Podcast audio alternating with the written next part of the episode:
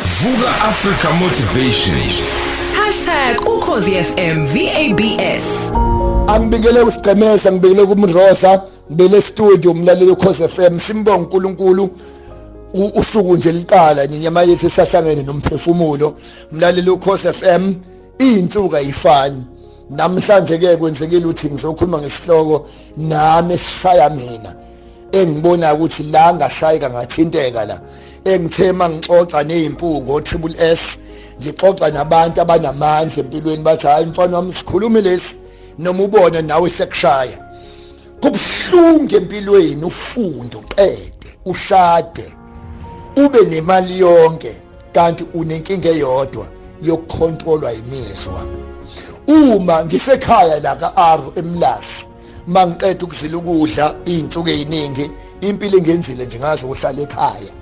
Bengiqala nxa ukuhlala ekhaya mfaka iminyaka mhlawumbe u-20 20 something.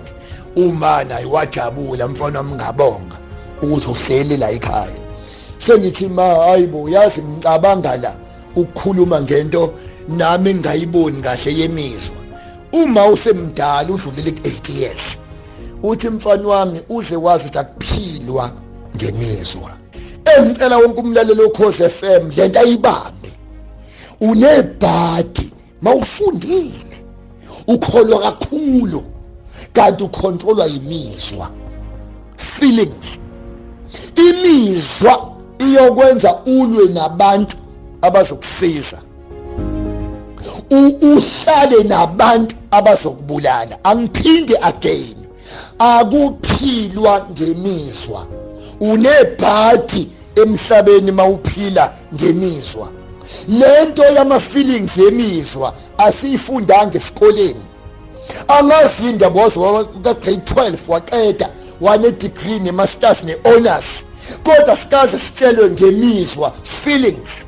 Upresident inkosi imeya umama ubaba ithaphuli abantu abaphansi imizwa ineyidumbe ezibeke phansi inama divorce wabekile ukuthi wena wabona ukuthi imizwa yami ayisamfuni unkosikazi ihalela intombi.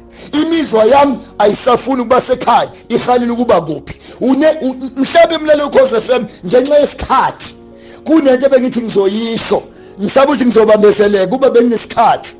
Uma umuntu edalwa thina esaziyo ke abanye umuntu oqala uAdam noEve bekwenza imizwa Eden umuntu benama senses imizwa u5 ubenemizwa ye sense of sight ukubuka taste uyakhotha hearing uyezwa touch uyathinta smell uyahogela kodwa kunomuzwa we6 kumuntu owafa mhlasana umuntu ewa noma ona. Sisenyangeni abantu besifazane. Umuntu wesifazane uzosinda. Kwizimpi zakho zonke mhla unalomuzo we6 esithi 6 cents umuzo we6 uya uyazi uyakwazi ukuhaga umuntu umuntu akuhage kanti akakufuni.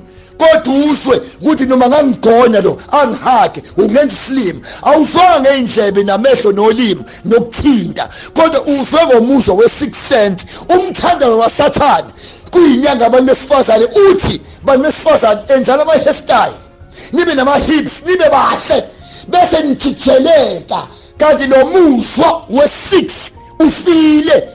Uyazi ukuthi uma ukholwa noma uthembekile kini wathola isibusiso sakini lo muzwa we6 iwona okutshela kuzindoda eno-BM awu6 Mercedes oneyimali sekikizwa wena uthi angiyi. Bakubone ngathi usilima kanti umuzwa we6 unqabile i6 cent. Isikhathi ke ngenaso balele bokhosi FM ngisothi akukhulunywa ngalento. Unebhadi mangabe uphethwe imizwa imizwa ilawule wena kodwa imizwa ingakulawuli. Sinabantu abakhalayo ngikhulumela phansi lokho sinabantu abakhalayo. Sibangani yini akwenza ukuthi? Ngiyamthanda. Awusaboni noma unze wisilima la. Uyigade imizwa. Ayifundelwe esikoleni akukhulunywa ngayo emasontweni nandawo.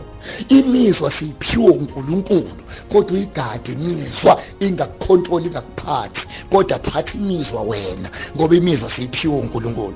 Abafuna sixoxe nje ngiyazi abantu bakithi bashayekile. Hayi kancane siyakhala. Kunomama obaba osisi siyakhala.